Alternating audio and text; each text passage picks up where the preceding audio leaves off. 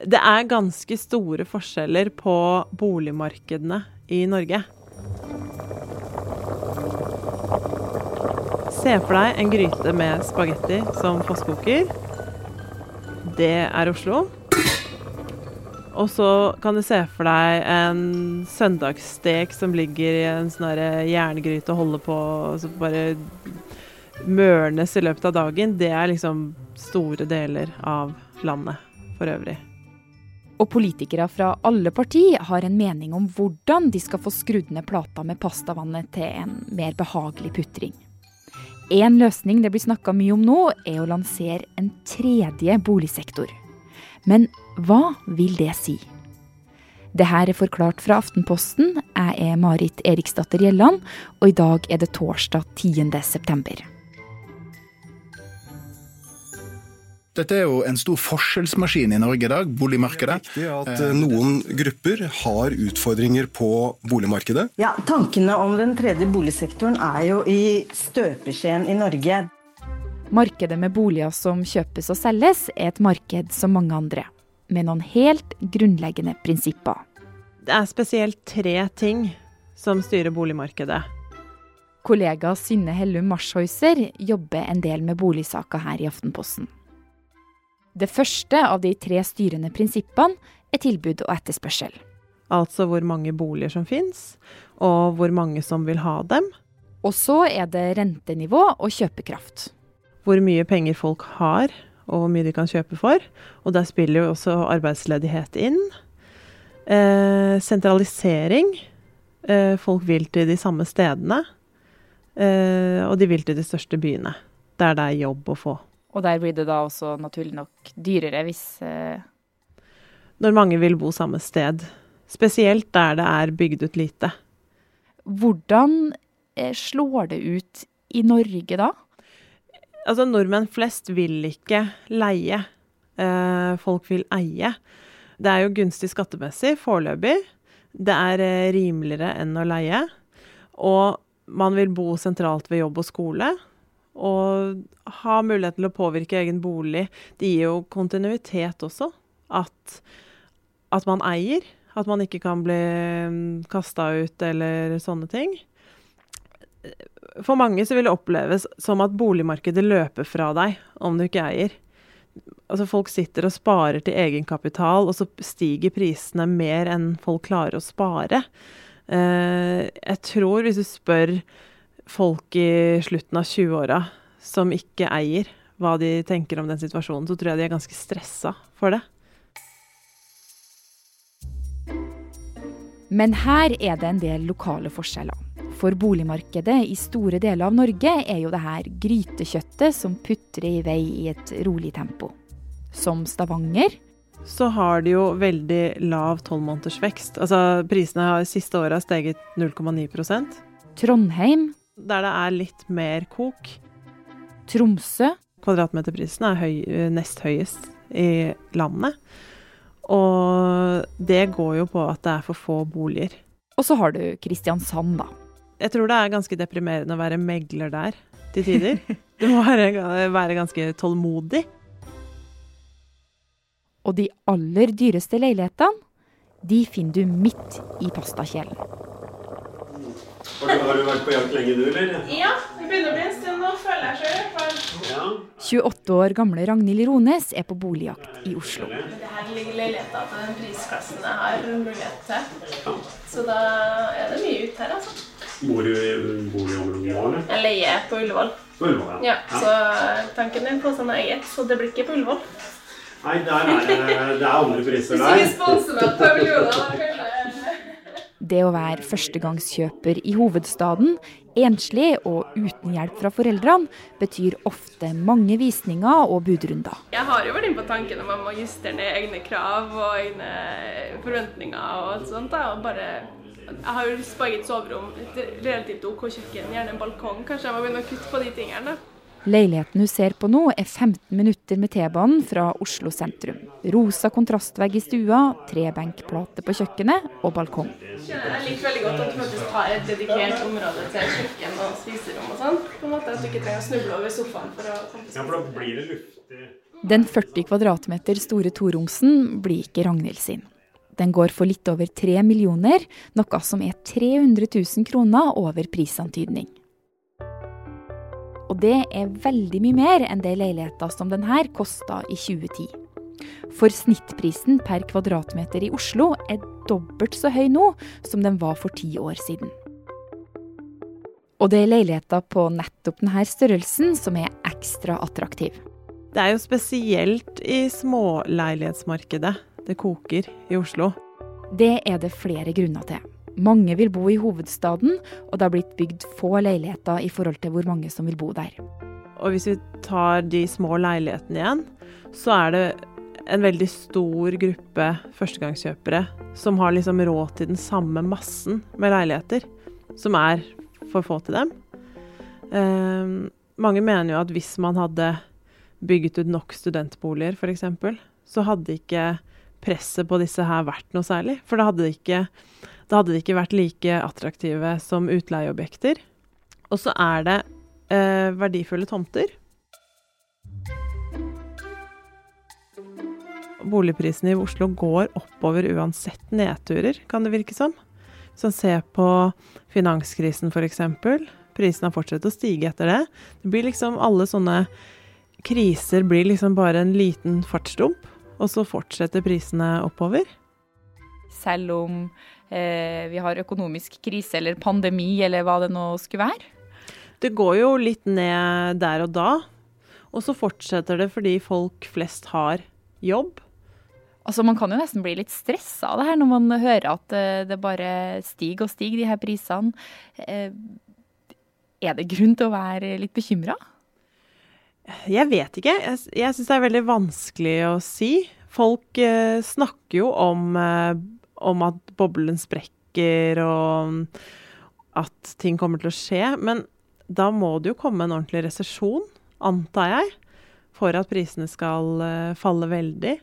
Og, og hvis det skulle skje, så er det veldig farlig for dem som har veldig mye gjeld, og som kanskje vil slite med høy rente, eller hvis, at de vil slite hvis de blir arbeidsledige.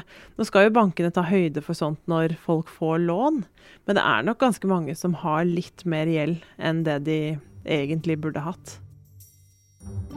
Boligprisene i mai 2019 økte med 0,7 Vekst på 3,3 Prisene steget 0,9 nominelt. Når prisene bare stiger, og det er økonomisk evne som bestemmer om du får kjøpt en bolig der du vil, så er frykten at forskjellene blir større mellom folk som har råd og ikke. At det etter hvert bare bor rikinger i byen, mens resten må pendle. Et vanlig mål er sykepleierindeksen. Den viser i grunn hvor mange prosent av boligen i et visst område en person med sykepleierlønn ville hatt råd til. For sju år siden så gjaldt det her ti av hundre boliger i Oslo. Mens for to år siden gjaldt det fem av hundre boliger.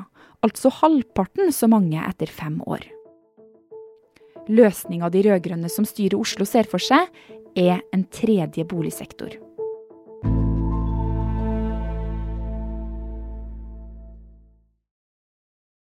Jeg har fått uh, slipt uh, gulvene mine, så det har blitt superfint hjemme. Mm. I tillegg til å bo og eie egen bolig i Oslo, så er Andreas Slettholm kommentator i Aftenposten. For å forstå hva tredje boligsektor er, så er det greit å ha på plass de to første. Ja, de snakker man jo ikke så ofte om. Det har vært litt misforståelser rundt det, også blant folk som kan boligpolitikk. fordi man tenker gjerne at det ene er eiemarkedet, og så er det leiemarkedet. Men uh, hvis man skal være streng på det, så er altså hele den private uh, sektoren, altså både eie og leie, den e første boligsektor, mens den andre boligsektoren er veldig liten i Norge. Og det er det som er altså offentlige boliger, altså i Norge sosialboliger og, og kommunale boliger. I mange andre land så er jo den sektoren ganske stor. Du har ulike eh, former for eh, ja, offentlige utleieboliger som, også, som ikke bare er for vanskeligstilte. Og så nå er det snakk om en tredje boligsektor. Hva er det, da?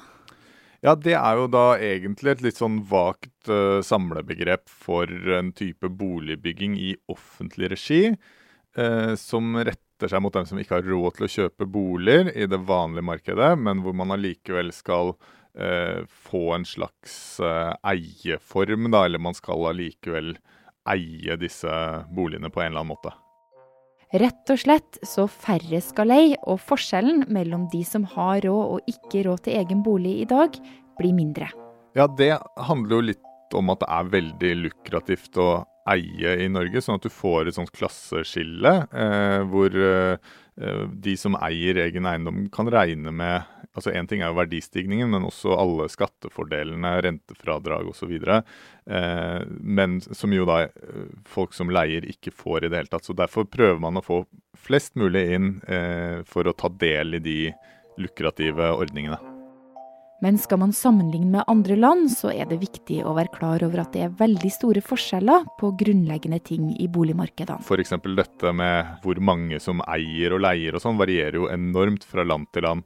Uh, og det er forskjellige skattesystemer, det er forskjellige reguleringssystemer, forskjellige uh, byggemåter og sånne ting. Men de, men de fleste sånn uh, storbyer i Europa har jo en form for sånn non-profit-boliger, f.eks. Sånn som jo Obos var en gang i tiden her i Oslo, så eh, kanskje en del andre steder så hadde man videre, videreutviklet den borettslagsmodellen til å faktisk fortsatt være en sånn eh, ja, subsidiert form for å bo. da. Eh, vi har jo også hatt prisreguleringer i, i Norge, eh, som fortsatt eksisterer en del andre steder, eller sånne pålegg om en viss andel rimelige boliger når man bygger nye ting. Så det er, det er veldig mange land som har uh, systemer som kan regnes inn i en sånn uh, tredje boligsektor uh, i Europa. I Paris f.eks. så har kommunen førsterett til å kjøpe eiendommer som blir til salgs i sentrum. I Nederland så består store deler av det private leiemarkedet av organisasjoner som er pålagt å prioritere leieboere med lav inntekt. Og i Wien i Østerrike legger kommunen ut tomter til salgs, nesten som anbudskonkurranser, med en fast pris for tomta og krav til ting som design og bærekraft. Akkurat hvordan en tredje boligsektor kan ende opp med å se ut i Oslo, er ikke bestemt ennå. Men kommunen tester tre forskjellige alternativ. Det ene forslaget er jo sånn etablere-bolig, som egentlig innebærer at kommunen gjør det som veldig mange foreldre gjør, nemlig kjøper en del av leiligheten, f.eks. 20 og så, og så betaler da den eh, andre parten 80 så, så, så blir det billigere. Og så beholder kommunen den, den andelen i videresalg, ikke sant? som vil bety at, eh, at man får en en eh, leilighet til rimelig pris. da. Og så har du en annen modell som er uh, litt sånn leie til eie, hvor man egentlig starter med å leie med mål om at uh, dette skal bli en nedbetaling av det lånet som er på boligen, og at en leietaker da blir eier etter hvert. Og så har de også en modell som vel egentlig ikke uh, har som mål sånn i første omgang at man skal overta boligen, men hvor man kan få en lavere leiekostnad ved å eh, utføre drift- og vedlikeholdsoppgaver. da, eh, som, eh, som, gjør at boligen blir billigere å bo i enn den ellers ville vært hvis man ja, måker eh, snø eller hva det måtte være. Uttestinga av de her tre alternativene har pågått i over et år. Men resultatene er ikke klar ennå. Målet er jo at det skal bli lettere for folk som ellers ikke hadde klart å kjøpe seg bolig, å komme inn på markedet. Men det er ikke sikkert at en tredje boligsektor løser noen ting. Hovedproblemet er jo at dette må jo være veldig stort for at det skal monne. Altså Det vil jo være veldig fint da hvis du får opp et prosjekt med 20 boliger hvor, man, hvor kommunen kan eie 20% og man får litt billigere Den blir litt lavere lavere kostnad å kjøpe, men det vil jo ikke ha noe å si for Oslos boligmarked som, eh, som helhet. Det vil jo ikke ha noe prisdempende effekt i stort. Da må man jo gjøre det i en helt annen skala. Du sa jo litt om det, Andreas, men hva er de viktigste utfordringene da med en tredje boligsektor i Norge, sånn som du ser det?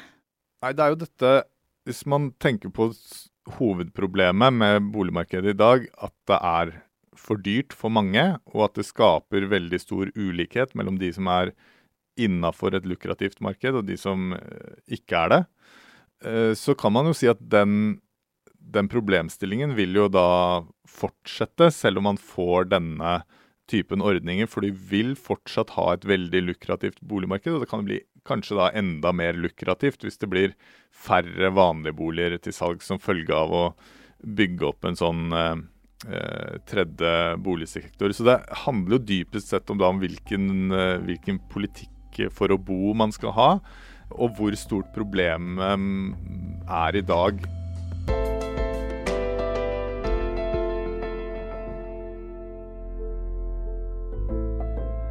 Forklart lages av Caroline Fossland, Fride Næss Nonstad, Anne Lindholm, Andreas Bakkefoss og meg, Marit Eriksdatter Gjelland. Aftenposten-journalistene Torgeir Strandberg og Øyvind Tveter har også bidratt til episoden. Og du har hørt lyd fra NRK, VGTV og Eiendom Norge.